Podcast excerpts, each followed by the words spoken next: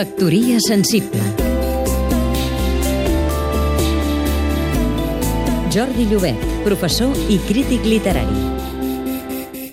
En una ocasió, Salvador Espriu va dir que hauria donat tota la seva obra per un vers de Joan Vinyoli.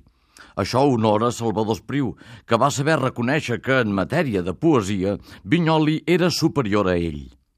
Aquest any es celebra el centenari del naixement d'aquest poeta, però els actes que li seran dedicats seran molt poca cosa si es comparen amb els fastos i l'enorme dispendi que ha comportat l'any Espriu, un milió i mig d'euros.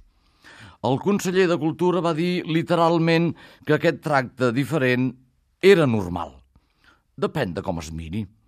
Si es mira la qualitat intrínseca de l'obra de Vinyoli, sembla clar que aquest poeta demanaria un pressupost superior al que hem gastat en l'any Espriu. I doncs, com s'explica que l'un sigui celebrat amb pocs recursos i l'altre fos exaltat amb un desplegament de mitjans com mai no s'havia vist a Catalunya? La cosa s'explica per un altre viatge. Espriu és políticament molt més rendible que Vinyoli, que és un poeta de tendències germàniques, molt concentrat, fins i tot metafísic.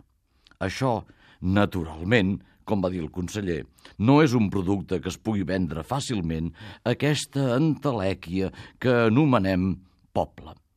Però no serà sempre millor celebrar la bona literatura per ella mateixa que per raons de publicitat política? Factoria sensible Seguim-nos també a catradio.cat